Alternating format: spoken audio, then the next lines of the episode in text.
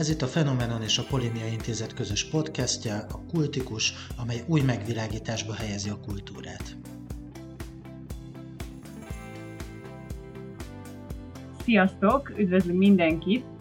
Én Lovász Dorottya vagyok, a 21 Kutatóközpont munkatársa, az oldalamon itt van a Nagy Zsolt, a Republikon Intézet munkatársa, politológus, illetve itt van Szolcsányi Péter, a Polémia Intézet munkatársa, politológus és jogász hallgató. A mai témánk igazából ugye ez a science fiction világ bevezetés lesz. Azzal fogjuk kezdeni, hogy egy kicsit a robotokról és a jövőről fogunk beszélni arról, hogy mennyire reális az, hogy az én a robot vagy a Matrix világa megelevenedik előttünk. Illetve hogy egyáltalán mik ezek a robotok, mik a mesterséges intelligenciák, mi a különbség közöttük, hogyan áll a tudomány ez az egész kérdéskörhöz, és hogyan néznek ki ez a társadalom, ha együtt élnénk, milyen, hogy is mondjam, filmek és könyvek segítségével érthetjük meg ezt a kérdést, akkor fel is teszem az első vitaindító kérdésemet. Tudjuk-e pontosan, hogy mi a különbség, vagy mi lehet a különbség a robotok és a mesterséges intelligenciák között? Hogy egy kicsit kontextualizáljuk a hallgatóságot ebben a kérdésben.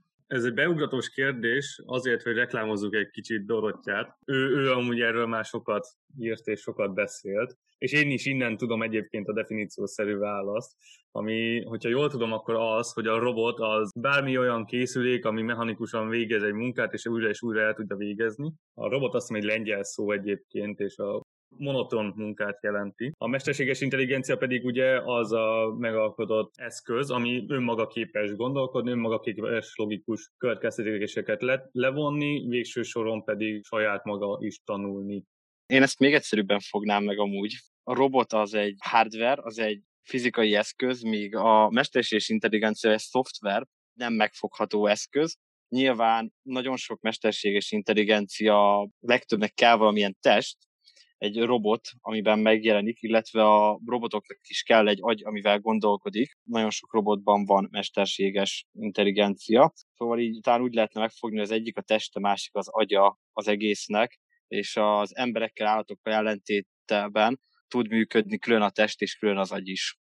Igen, talán annyival kiegészíteném ezt a gondolatsort, hogy ugye segítsünk egy kicsit a hallgatóságnak, hogyan találkozhatott eddig a mesterséges intelligenciákkal. Hát ugye mondjuk például az okos tévéje, vagy ugye a Siri az iPhone-okban, vagyis pontosabban ezekben az okos telefonokban, esetleg kereső szoftverek és képfelismerő szoftverek formájában, ugyanok, ugyanis ezek is mesterséges intelligenciák. A jelenlegi matematikusoknak és programozóknak, robotika szakértőknek a kutatásai mostában főleg azt vizsgálják, hogy hogyan lehetne olyan mesterséges intelligenciákat létrehozni, amelyek nem kizárólag úgynevezett absztrakt és online térben elvégzendő dolgokkal képesek foglalkozni és tanulni, hanem olyan világban is képesek élni, vagy működni, fel, adatot feldolgozni és értelmezni, ami ugye a külvilág lenne. Tehát pontosan az, amit mondjuk az Asimovi világ feltételez, ami ugye, ha esetleg a hallgatóság találkozott vele,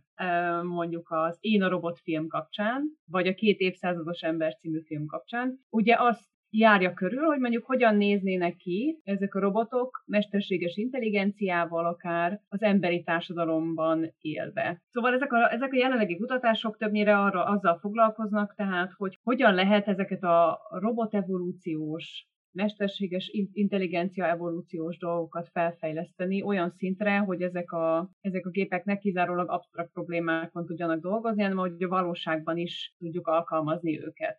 Hozzátennék egy nagy problémámat, amit szoktam hangoztatni. Hogy jönnek és megölnek?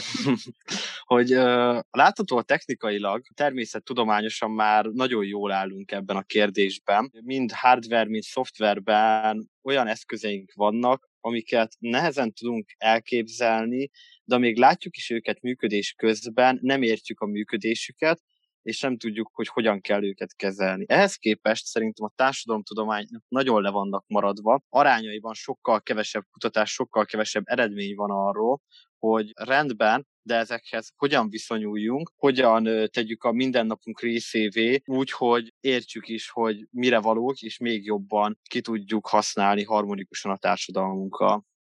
Én annyiban egy varga betűt tennék azért, hogy nagyon előre haladottam egyébként tényleg valóban a robotika. Viszont az érdekes belegondolni, hogy igazából még a közelében sem vagyunk ahhoz képest, amit mi gondoltunk, emberiség gondolt, akkor, amikor első gondolatok megszülettek ugye a robotikára és arról, hogy egyszer majd robotokat lehet gyártani, mesterséges intelligenciát. Nagyon sok science fiction foglalkozik ezzel a témával, hogy robotika, és így végigpörgetve az agyamban arra jutok, hogy igazából körülbelül az összes science fiction azt jósolta, hogy erre az időre már vagy leigáznak minket, vagy velük fejlesztjük ki a jövő generációt, és az ő segítségükkel megfordítottuk az univerzumot kvázi, és nagyon kevés van, ami, ami azt mondja, hogy, e, hogy ekkor még jó időben állunk a sci-fi-hez képest. Tehát a sci-fi a párhuzamos univerzumban azt hiszem a Frank Herbert féle dűne sorozathoz állunk még jól, ott még van pár száz évünk, mire elkezdjük ezeket kifejleszteni, illetve a Star Trek-nél ott ugye ott ugye nagyon jól állunk, mert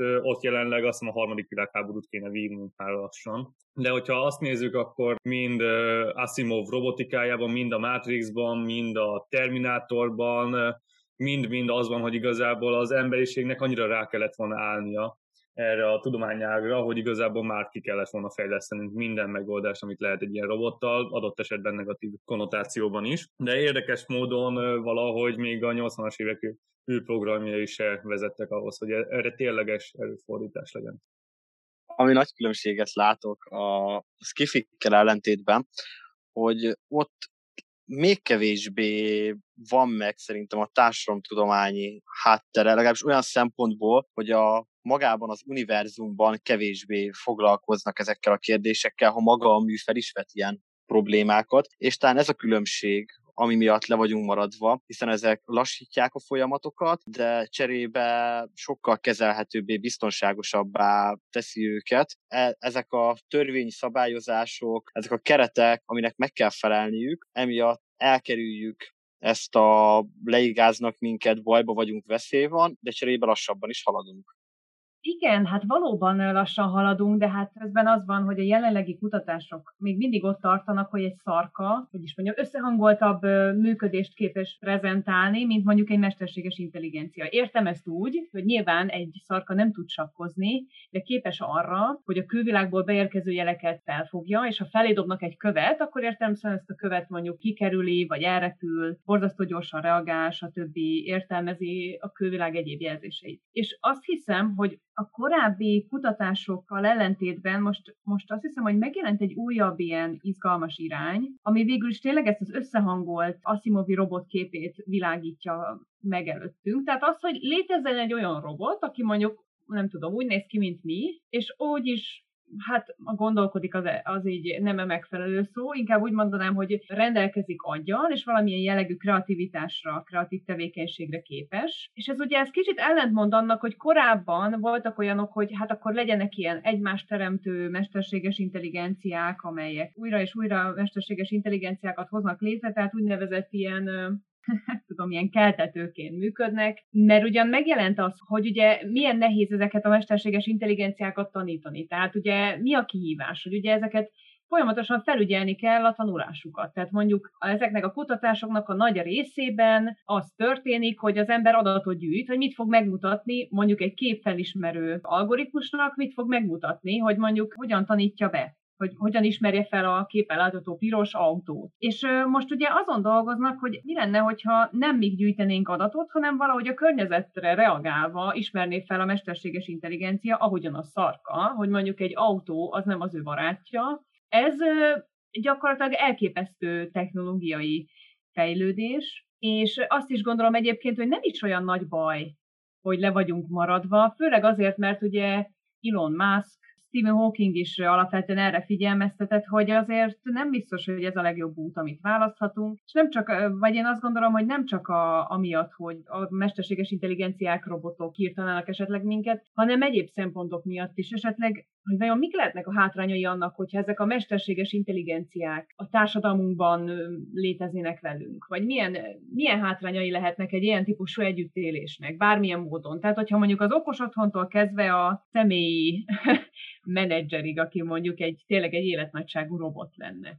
Igazából az élet bármely területére vethetünk egy pillantást, és megnézhetjük azt, hogy milyen problémákat tud okozni az, hogyha hirtelen megjelenik mondjuk százezer ilyen lény, végső soron ez, ez szerintem egy fontos filozófiai kérdés, mégpedig az, hogy az ember egészen a 20. század végéig szentül abban a világban élt, hogy ugye ez a humanizmus képe, hogy az ember, mint olyan, az önmagában a teremtés, az evolúció, a gondolkodás, stb. csúcsa, ami ebből a szempontból teljesen egyedi. Képtelenség az, hogy ezt meg lehessen ismételni, vagy ugye a másik probléma az űrlények, de azok vagy ránk találnak, vagy nem, vagy nem léteznek. Ezáltal nehezebb erre reagálni, viszont a robot azt ugye mi teremtjük, ezáltal mi lehetünk azok, akik megfosztjuk magunkat ettől a érzetől, és hát ez fontos kérdés egy olyan társadalomban, ami, ami például az egyik legfőbb kérdéskör, hogy létezik-e egyetemes emberiség, és hogy a nacionalizmus meg lehet-e haladni azáltal, hogy mindenki ember, és mindenki ugyanab, ugyanabból a génállapányból tevődik össze. Na most, hogyha ehhez még hozzájön az, hogy robotok is léteznek, akik ugyanúgy gondolkodnak, mint mi, képesek ugyanarra, ugyanazokra a dolgokra, gazdasági, társadalmi feszültségeket tudnak hozni, akkor az ember, mint unikális lény, az elveszik ebből a szempontból. Szerintem az ember addig jó eséllyel ebben a valamilyen szinten nemzetekben, törzsekben fog gondolkodni, addig nem fog eljönni a világemberiségnek a gondolata, amíg egyedül vagyunk. Hiszen nincs amivel szemben meghatározzuk a kategóriákat, az meg, hogy a kategóriában csak egy dolog van, az ember, az kevés. Szóval, ahogy Zsolt is mondta ehhez, vagy ahhoz van szükség, hogy űrlényekkel találkozzunk, akikkel szemben már meg tudjuk magunkat határozni, hogy ők egy faj, mi egy másik faj, vagy a robotoknak kell olyan szinten lenniük, és a társadalom építőköveinek, akikkel szemben meghatározzuk magunkat, hogy a társadalmunk az áll robotokból és emberekből. Akkor már egy külön kategóriát megér. Pont utána néztem Sofinak is, aki már egy elég jól működő mesterséges intelligencia, aki embernek néz ki, tehát ez elég az Asimovi robot fogalmunkhoz nagyon közel áll, de a szarkával szemben tényleg nem tud mindenre reagálni, nagyon korlátozott a képességtára, beszélgetni nagyon jól el lehet vele, és már nagyon sok egyedi gondolata van a világunkról, és ha ezek a kutatások tovább mennek, még több ilyen robot lesz, aki már ennyire elvontan tud gondolkodni, bár ő saját magáról is azt mondja, hogy öntudata nincs, nincs kognitív képessége, szabályok és viselkedések rendszerét követi csak, de már ezzel, ezen a szinten is, ha több ilyen robot lesz, ami magát jobban el tudja látni, most értem ez alatt tényleg, ha megdobjuk egy kővel, elhajol, tényleg egy ilyen úgymond életképes legyen, és ne kelljen mellé egy ember, aki mindig foglalkozik vele, akkor már nem vagyunk olyan messze ettől az Asimov vagy Skifi virágban megjelenő robottól. Igen, mondjuk egy pillanatra hadd csatoljak vissza arra, amit Zsolt mondott, mert ugye ez, ez nagyon izgalmas, ez az unikális lény fogalma, hogy vajon az ember az meddig maradhat pótolhatatlan. És nyilván ez, ez nem olyan egyszerű, mert gyakorlatilag ma már olyan képek, képeink is vannak, vagy inkább programjaink, algoritmusaink, amelyek mondjuk képesek helyettünk újságírói tevékenységet végezni, vagy grafikai tevékenységet, vagy zenét képesek írni. Tehát mondhatjuk azt, hogy valamilyen kreatív dologban is tudnak helytállni, illetve azt is mondhatjuk, hogy ugye a beteg és idős gondozásban is, tehát olyan, olyan szakmákban, ahol ugye a személyesség az rendkívül fontos, ott is képesek valamilyen típusú újdonságot nyújtani. Én viszont továbbra sem gondolom azt, hogy létezhet olyan, hogy mondjuk egy robot az elveszi az ember összes munkáját, vagy hogy hogy is mondjam. Tehát ugye nyilván ez az egész munka megközelítés, ez azért nagyon nehéz, mert ugye az egész kapitalista társadalom erre épül, hogy az emberek dolgoznak, és a, do- a munkáért fejébe valamilyen jellegű bért kapnak, hogy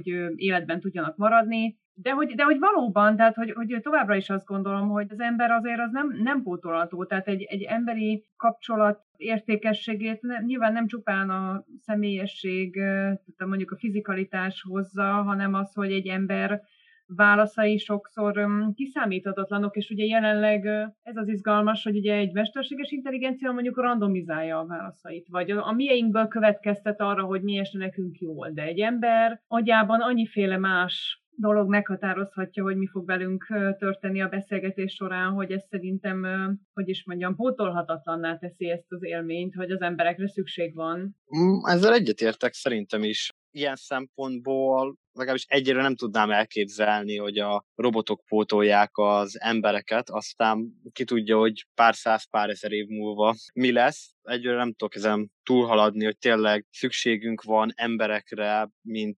társadalomalkotó lényekre, de ha megnézzük a két évszázados embernek is a novelláját, ott is láthatjuk, hogy hiába volt meg rengeteg úgymond funkciója a főhősünknek, amivel be tudott illeszkedni a társadalomban, mégse tudott úgy reagálni a beszélgetésekre, mégse láttuk azt, hogy igen, ő közülünk való, hiába majdnem mindenit lecserélte, azért éreztük rajta, hogy valami, valami különbség van, és így nehéz is megragadni, hogy mi az. Valamitán ez a kiszámíthatatlanság, vagy nem is tudom, ez a egyszerű folyam, ami az emberi beszédből, gondolkodásból ered. Ez ott se jelent meg számomra, hiába a spoiler, az az egésznek a csattanója, hogy végül elfogadják emberként, de nem látom azt, vagy nekem e- ez, nem, ez az egy része nem volt meggyőző, hogy ez a folyékonyság az egész viselkedésében, ez az érzelmi rendszer, amit nem is látok egyelőre, hogy közelednénk, hogy szükség van még az emberi kapcsolatainkra. Igen, nagyon érdekes, hogy hogyha itt a gazdasági vonalat benézzük, akkor, akkor igen, nagyon sokan mondják, hogy el fognak venni bizonyos munkákat, és a kapitalizmuson túl is az embernek mindig egy sajátos kapcsolata volt a munkához, valamilyen szempontból az meghatározta őt, legyen szó bármely korról, bármely csoportról, bármely időszakban, de hosszú távon ez megint át tud alakulni, és az tényleg érdekes lesz, hogy mennyire fogadjuk el az olyan típusú munkáknál az ilyen mesterséges intelligencia robot megoldásokat, ahol, ahol tényleg fontos az, hogy egy emberről van szó. Hogy egy példát mondjak, lehet, hogy egy nursing home-ban el fogjuk fogadni valamilyen szinten hogy a robotok segítenek nekünk. Az már egy másik kérdés, hogy mennyire fogjuk elfogadni azt, hogy egy robottal beszélgetünk, aki egy pszichológiai segítséget tud nyújtani az embereknek. Ugyanígy mennyire tudjuk elfogadni azt, hogy a robotok hozzák meg a döntéseket helyettünk, és itt ugye Asimov két irányból is meg tudja ezt közelíteni. Egyrészt a multiveknek a problémaköre, ugye ezek a szuper számítógépek, amik kialakultak a, a robotika folyamban, és döntéseket tudnak hozni, egészen odáig, hogy igazából ez már a kapitalizmust, mint olyat is meg tudja haladni, hisz minden döntésről a szuper számítógép vagy szuper számítógépek döntenek, mi pedig csak követjük őket kvázi, ezáltal meg tudjuk határozni azt, hogy egy jó irányba haladunk, mert a robotnak az az elsődleges célkitűzés, hogy az ember, illetve a nulladik célkitűzés, hogy az emberiség maga mindig a legjobb irányba tudjon haladni. Viszont Asimovnál előkerül az a probléma is, hogy mi történik akkor, hogyha megválasztott politikusaink lesznek robotok, ilyen vagy olyan módon. Ő ezt már egészen negatív konnotációban tudja leírni. Gyakorlatilag minden szempontnál kijön az, hogy lehet, hogy jobb lenne egy robot, de soha nem tudjuk meg, mert az emberiség soha nem fogja elfogadni azt, hogy robot. Jelenleg én azt nem látom, hogy az emberiség valaha is készen állna arra, hogy egy másik értelmes lénynek a szolgálatába álljon, mert igazából ez pont ugyanaz, olyan, mint hogyha leigázna minket egy másik humanoid forma, akár űrlény, akár a, nem tudom, a Homo erectus tudott volna kifejlődni velünk párhuzamosan. Ami még izgalmas itt, hogy, hogy sokan mondják azt a, nem is tudom, híres összefüggést, hogy hát most is vannak okos telefonjaink, és hogy mindenki ezeket nyomkodja, és hogy ezeken van arcfelismerő rendszer, kitalálják, hogy mit szeretnénk leírni, behelyettesítik a mondatainkat, és hogy már ez is egyfajta uralom. És valóban, viszont ugye, hogy egy klasszikust idézek, ugye mit jelent az uralom? Hát az, hogy mi kikapcsolhatjuk ezeket a gépeket, ugye, hogy a Matrix világát megmutassam egy pillanatra a nézőknek, hallgatóknak, mert hogy hát végül is tényleg ez van, hogyha, hogyha mi nem szeretnénk továbbra is az okostelefonjainkat használni, akkor ezeket ki tudjuk kapcsolni. Tudjuk. Ezt most őszintén kérdezem, hogy ki tudjuk, ki lehet, ki szeretnénk, ezek így nagyon salangosan egymásra vannak téve, mint mondatok, de én, én nekem van egy ilyen elméletem, hogy szerintem elhajtjuk azt a lehetőséget, amikor az emberiség, tehát nem az egyének, hanem ugye az emberiség unblock el tudunk távolodni ettől a fajta a függési kompetenciától. Amúgy szerintem is a tudjuk olyan szempontból jelenik meg, hogy nem tudjuk már kikapcsolni, hogy pszichológiailag mi nem tudjuk, nem akarjuk kikapcsolni. Hiába technikailag lelőhetnénk az összes szervert, az összes közösségi a platformot, mindent, de nem akarjuk, mert nem akarunk olyan életet, ahol ezek nincsenek velünk. Hát persze, hiszen nyilván mindenünk össze van hangolva velük. Tehát nyilván, ha én mondjuk az egyetememről szeretnék megtudni valamilyen információt, akkor azt kell csinálnom, hogy felmegyek az egyik népszerű közösségi platformra, és megkérdezem az osztálytársaimat, évfolyamtársaimat arról, hogy mi lesz mondjuk a házi feladat beadandó dolgozat témája. Tehát ugye ez egy ördögi kör, nyilván minden ott van, vagy minden ilyen online rendszereken működik, azért, mert mi is az online rendszereken működünk.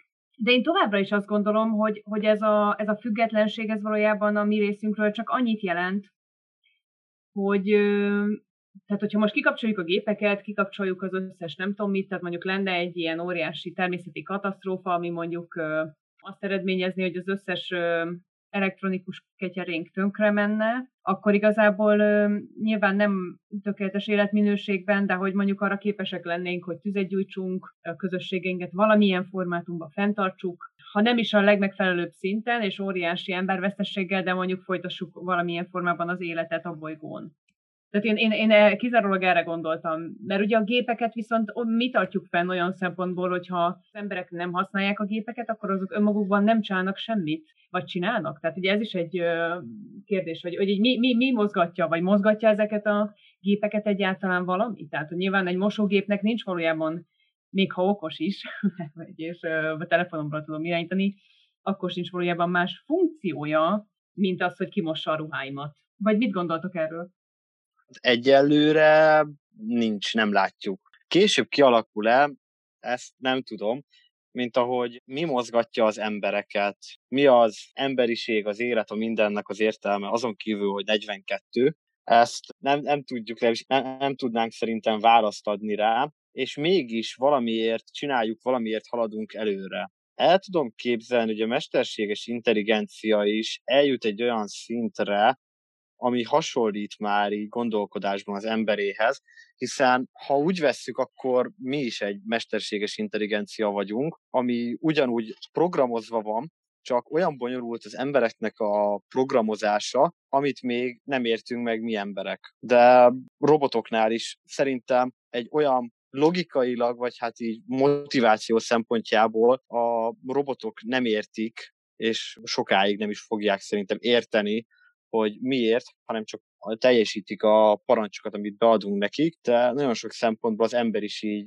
teljesíti ezeket az előre megírt parancsait, csak ezek olyan sok van belőle, annyira komplexek, hogy nem gondolunk erre, nem tudjuk ezt így értelmezni. Tehát el tudok képzelni. Ki a programozó?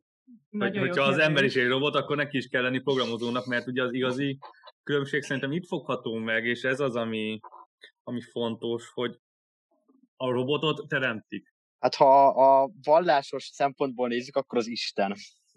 Amúgy csak ezt akartam kihúzni belőled. Jó, hát persze, mármint, hogy nyilván lehet egy ilyen típusú megközelítés ebben, csak ugye itt ugye az a nehéz, hogy a mi úgymond születésünket, vagy nem is tudom ezt, hogy mondjam, azt Szerintem ez a párhuzam viszont így ilyen szempontból érdekes, hogy ugye maga a mesterséges intelligencia sejthetően ugyanúgy nem ébred rá a saját teremtettségére, mint ahogy mi sem látjuk visszamenőleg, hogy hogyan születtünk. Mármint, nyilván így a sejtjeink összeadottak, és akkor nagyobb sejtcsoportosulások lettek, aztán kialakult a kezünk, a fejünk, a, tudom az embrióban, stb. Tehát, hogy értitek, tehát, hogy, hogy ilyen típusú alkotói emlékünk nincsen, mint hogy nyilván egy mesterséges intelligenciának is csak később lehet mondani, vagy így megtanítani, hogy mondjuk az emberektől származol, hiszen az első bit, vagy az első mm, kód részlet az még nem, nem tud semmit. Szóval e, ezt a párhuzamot én értem, csak hogy ettől függetlenül továbbra is az van, hogy, a, hogy ugye a gépek azok nem születnek, hanem teremtik őket, és, és én alapvetően azt is gondolom, hogy ez nem feltétlen baj, vagy hogy ez nem kéne, hogy egyébként akkora hátrányt jelentsen. Főleg akkor, amikor ugye arról beszélünk, hogy valakinek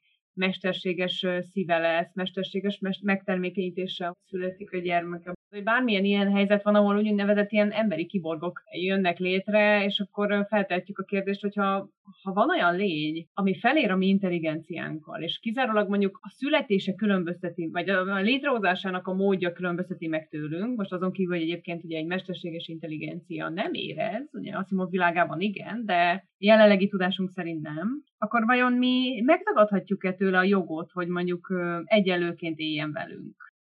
Ugye ez egy, ez egy fontos kérdés, hogy ki teremti. Tehát, hogy hogyha itt a vallásos vonalnál maradunk, akkor Istennek van joga teremteni, nem, nem az embernek. Ugye a, a kérdés az pont itt fogalmazódik meg, hogy Istent akarunk-e játszani, mert bárhogy fogjuk is föl, azzal, hogyha létrehozunk egy új értelmes életformát, egy ilyen robotot a saját képmásunkra, azzal Istent játszunk. Ugye a teremtés könyvében volt ez leírva, nem az ember találta ki, hogy valamit létre kéne hozni a saját képmásunkra, hanem ezt már lopták valahonnan ugye ezek a tudósok. Éppen ezért ez fontos kérdés, hogy ki teremt kit, és hogy ki az, aki megadja ezt a lehetőséget. Ugye az egy nagyon fontos kérdés, hogy ki az, aki miatt úgy gondolkodunk, ahogy. Ugye ez a pszichológiában is egy fontos kérdés egyéb iránt. Mi magunk alakítjuk ki a saját egyéniségünket, ezt örököljük gének útján, vagy esetleg a társadalom nyomja el ránk azt a formát, ahogy élünk. És ez a robot már ugye hatányozottan igaz, mert elvileg azt mi teremtjük. Gyakorlatilag viszont, mivel emberek vagyunk, mi is tévedhetünk, ezért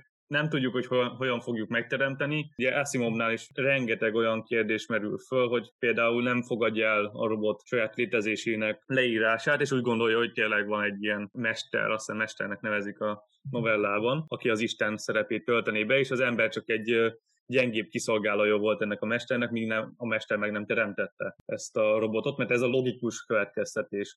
És ez egészen odáig elmehet ugye, hogy a terminátori eh, matrixi szintegig jussunk, hogy megtagadva Istenüket megölik, ki akarják írtani az emberiséget ezek a robotok. Mindez csak azért fontos szerintem, mert a, az emberiségnek ez az unikalitása, ezt saját maga elveheti, és saját maga akarja elvenni, pont azért, hogy ő följebb lépjen egy szintet, mert a robot az lehet, hogy úgy fog tudni gondolkodni, mint mi, de nem biztos, hogy tud alkotni ő is értelmes életformát. Most olyan mesterséges intelligenciákkal kísérleteznek, ami képes, ugye, hát ugye alapból, alapból egy program képes lemásolni magát, teljesen ugyanúgy, tehát akkor feltételezhetjük azt, hogy, hogy egy mesterséges intelligencia is képes lehet majd saját magát teljesen ugyanúgy lemásolni, és ezzel úgymond teremteni most ugye azt, azt hiszem szinkronitásnak nevezzük, amikor, amikor egy mesterséges intelligencia egy nála fejlettebb mesterséges intelligenciát hoz létre. Hogy ez létrejön-e, azt ugye hát nehéz belátni, de, de hogy való, valóban ez a cél. Körül lenne még egy visszakérdezésem. Mi a bizonyíték arra, hogy minket nem egy vagy korábban itt élő, de már elpusztított, vagy máshol, más bolygón, más csillagrendszerben élő társadalom, lények, bárki rakott össze, teremtett, csak nem jöttünk erre rá. Szóval, hogy nem Isten, hanem minket is egy valami más entitás rakott össze, és akkor elvileg mi se tudnánk teremteni ezen gondolkodás alapján. Az embert lekorlátozza a saját gondolkodása, és ezért gondoljuk azt, hogy unikálisak vagyunk, mert csak mi tudunk teremteni. Egyéb iránt erre meg rengeteg skifi példa van, csak hogy dobáljam itt a szakirodalmat. Ugye a 2001 gyűrűd össze a felveti a, a mesterséges beavatkozásnak a kérdését. Jól tudom, a Battlestar Galactica volt az, aminek a csattanója az, hogy nagyon sok ideig mennek azzal a hajóval, és a végén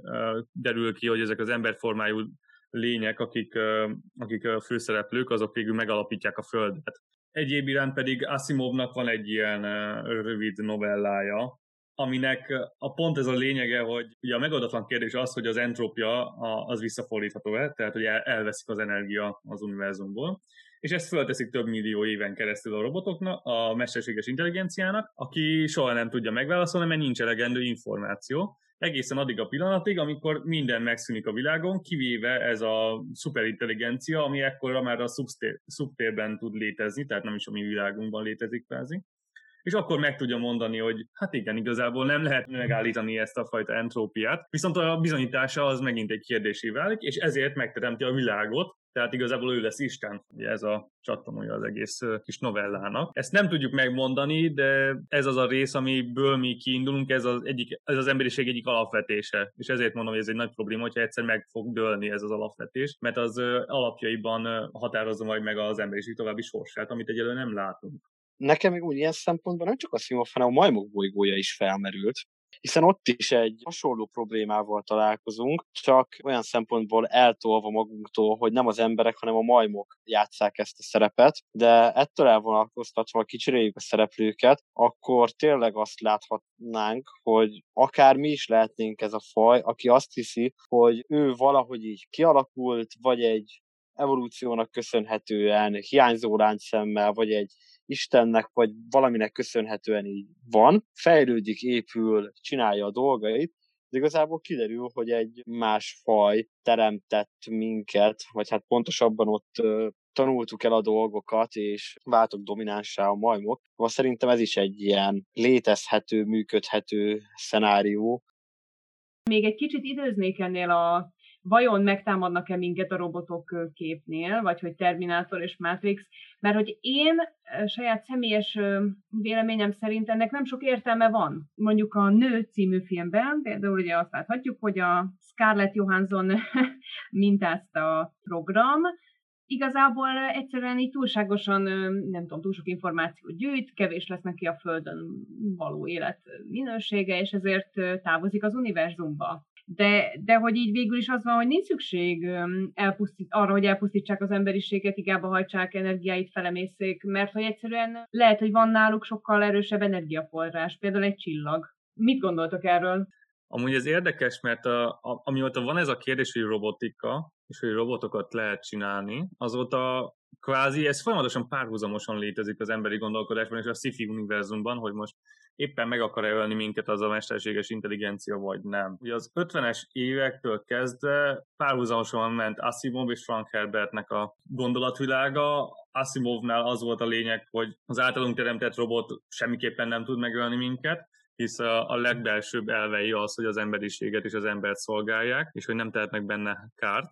Ezzel szemben Frank Herbert meg ugye onnan indul ki a dűnében, hogy már túl vagyunk egy tömegpusztító milliókat kivégző dzsihádon, a Butleri dzsihádnak nevezi ezt, ahol a robotok és az emberek végső összecsapásában végül az ember tudott győzedelmeskedni, de el kellett pusztítani minden mesterséges intelligenciát, ami amúgy az emberiséget is visszavetette egy jó időre. És ez szépen így megy tovább, a 80-as években ott van a Star Trek kontra Terminator, ugye napjainkban is azért megtalálható a Star Trek legújabb Picard sorozatában éppen ellene vagyunk a dolgoknak, ez, ez mindig is az emberi gondolkodás központjában volt, és mindig megosztotta az embert. A két fontos év az, hogy el tud-e pusztítani minket az, amit mi teremtünk. Másik oldalról pedig miért nem pusztítana el, hogyha ez a logikus döntés, már pedig a robot logika alapján működik, ugye ezekben az univerzumokban leginkább. Hát igen, de hát miért volna logikus? Mármint, hogy, hogy tudósok is szokták azt mondani, vagy azt hiszem, hogy ez egy ilyen híresebb mondás, hogy az ember atomokból áll, és ezeket az atomokat a robotok fel tudják használni másra. Milyen fogalmazza, tehát fel tudnának használni minket más módon is.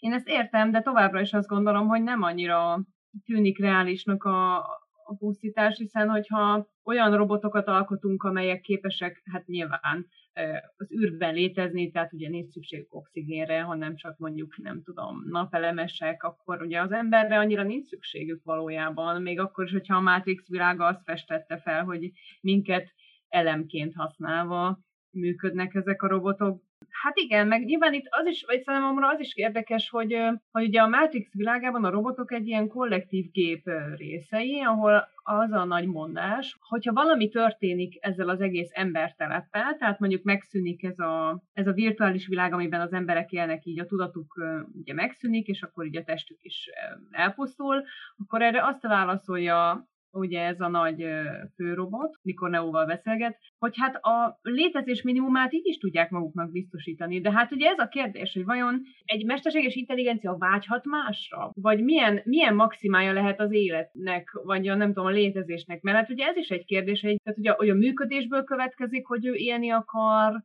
vagy ez belőlünk származik, hogy ez lehet a, mondjuk a célja, hogy fenntartsa a létezését valamilyen, valamilyen ideig, hogy ellássa a feladatait. De hát ugye, hogyha kicsúszna ez az egész dolog a kontrollunk alól, akkor valójában nekik már nem annyira lennének feladataik, maximum a kollektívát fenntartó feladataik. Erről mit gondoltok? Arra én nem válaszoltam, hogy én se látom annak okát, hogy mi miért tartsanak meg minket a robotok, mi hasznuk lenne belőlünk, de nem is feltétlenül kell kell így hasz, haszon szempontból nézni, egyszerűen csak simán egymás mellett élés, és akkor nem kell az, hogy mi a haszon abból, hogy mi létezünk, hanem csak így elfogadnak ilyen nagyon szép idealisztikus képben. Kicsit is szabályozás oldaláról azt talán meg lehet mondani, hogy oké, okay, mesterséges intelligenciát csinál, de egy ilyen végső parancsként az Asimovi hármas törvényt beadni neki, hogy ezt semmilyen módon nem, ne tudja felülírni. Kérdés, hogy meg lehet ezt mondani, hogy ne tudja felülírni. Ha már rájön arra, hogy ez miért van kitalálva, akkor be megtagadhatja ezt a parancsot is. Mint ahogy Isten mondja nekünk a parancsokat, de ha rájövünk arra, hogy esetleg nincs Isten, akkor miért tartanánk, vagy nem olyan a viszonya, nem mindenható a viszonya felettünk, akkor miért tartanánk be a parancsait, ha egyéb racionális érvet nem találunk mellé. Talán egy kicsit ezt tudnám hasonlítani ilyen szempontból a problémát pont ez a lényeg, hogy ez feltételezi azt, hogy a robotnak lehet egyénisége. Mert akkor tudja megtagadni, hogyha neki van egyénisége, és úgy gondolja, hogy akkor ezt meg kell tagadni. Tehát ez, ez egy fontos kérdéskör, hogy valaha létre lehet -e olyan uh, mesterséges intelligenciát hozni, ami nem csak a saját processzorainak a korlátaiban tud gondolkodni, és az egyénisége az több, mint a nullák meg egyesek, amiket beleépítettünk, és nem azért akar valami lenni, mert hogy mi azt integráltuk az áramköreibe. Hát meg az még egy nagy kérdésem, hogy ha létre is hozzuk ezt a robotot, vagy a robotokat, akkor hogyan fognak egymáshoz viszonyulni? Hiszen vehetjük azt, hogy mivel különálló mesterséges intelligenciák, ezért külön személyiségük lesz, más tapasztalnak, más tanulnak, más élményeik vannak, ezért máshogy fognak viselkedni. Hiszen ha két üres nulla kilométeres processzorórás, hogy kell itt mondani, robotot megfogunk, lerakunk, teljesen más környezetben, akkor a végén ugyanaz lesz, vagy teljesen más. Mint hogy az embereknél is ezt a tabularáza elvet nézzük, akkor attól lesznek mások az emberek, hogy hogyan visel, milyen környezetük van, vagy eleve mások a személyiség, amikor születik. Mert szerintem az embereknél is inkább a tapasztalat, és lehet, hogy robotoknál is egy mesterséges intelligenciánál ugyanazt az alapot elkészítjük, aztán a más behatások miatt máshogy fog viselkedni.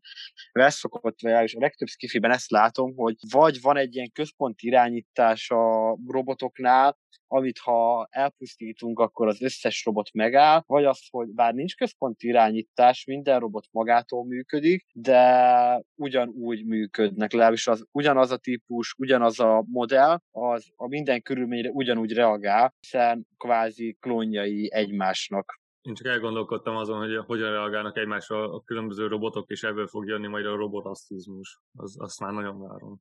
Igen, bár először azt gondolnám, hogy, hogy először az emberek fognak kivételeken gondolkodni a robotokkal kapcsolatban. Nyilván a születésük, hogy is mondjam, fizikális megjelenésük és egyéb képességeik hiánya megléte miatt és itt egy jó indok egyébként, hogy miért fognak elpusztítani esetleg a robotok. Tehát, hogy a szenárió soha nem mindig csak az lehet, hogy a robotok el akarnak minket pusztítani, hanem hogy mi elkezdjük támadni őket, pont azért, mert ez a fajta unikalizmus elveszik, és vissza akarjuk állítani esetlegesen, vagy pusztán félelemből. Ennek reakciójaképpen pedig a robotok úgymond öntudatra kelnek, letépi békjóit, és minket akarnak kiírtani, aminek a vége lehet az, hogy mi fogunk feszteni, sőt, hát ugye attól függően mennyire kifejlett ez a technológia, logikusabbnak hangzik az, hogy egy robot legyőz egy embert. Hát igen, csak hogy az életünket védeni, az egy annyira emberi dolog, hogy nem az, hogy nem képes felfogni egy mesterséges intelligencia, hanem hogy, hogy is mondjam, tehát nem vagyok benne biztos, hogy a célja lehet a létezésének, hogy megvédje az egzisztenciáját, vagy én ebben nem, nem vagyok biztos. Szóval ez, ez azt hiszem, hogy egy kicsit jövőbe tekintőbb annál, mint amit így könnyebb lehet belátni, mert ugye nagyon nehéz a saját emberi nézőpontunkból kiemelkedni, és hát nyilván ezért nagyon izgalmasak Asimov művei, amit a hallgatóságnak szeretettel ajánlunk olvasásra, ugyanis rendkívül széles látókörűen vizsgálja meg azt, hogy hogyan lehet egy egy robotot, akár egy kenyerpirítót, akár egy gyakorlatilag érző lényt a társadalomba integrálni úgy, hogy mondjuk fizikálisan nem annyira úgy néz ki, mint mi, és egy kicsit máshogy gondolkodik a világról. Köszönjük szépen, hogy meghallgattatok minket, és hogyha Érdekelnek titeket hasonló tartalmak, akkor kövessetek be minket a Facebook oldalunkon, illetve Instagramon is, illetve az adásunkat megtaláljátok majd Spotify-on, Youtube-on, Encoron, illetve a Mixcloud műsorában is, és akkor a jövő hónapban találkozunk. Sziasztok!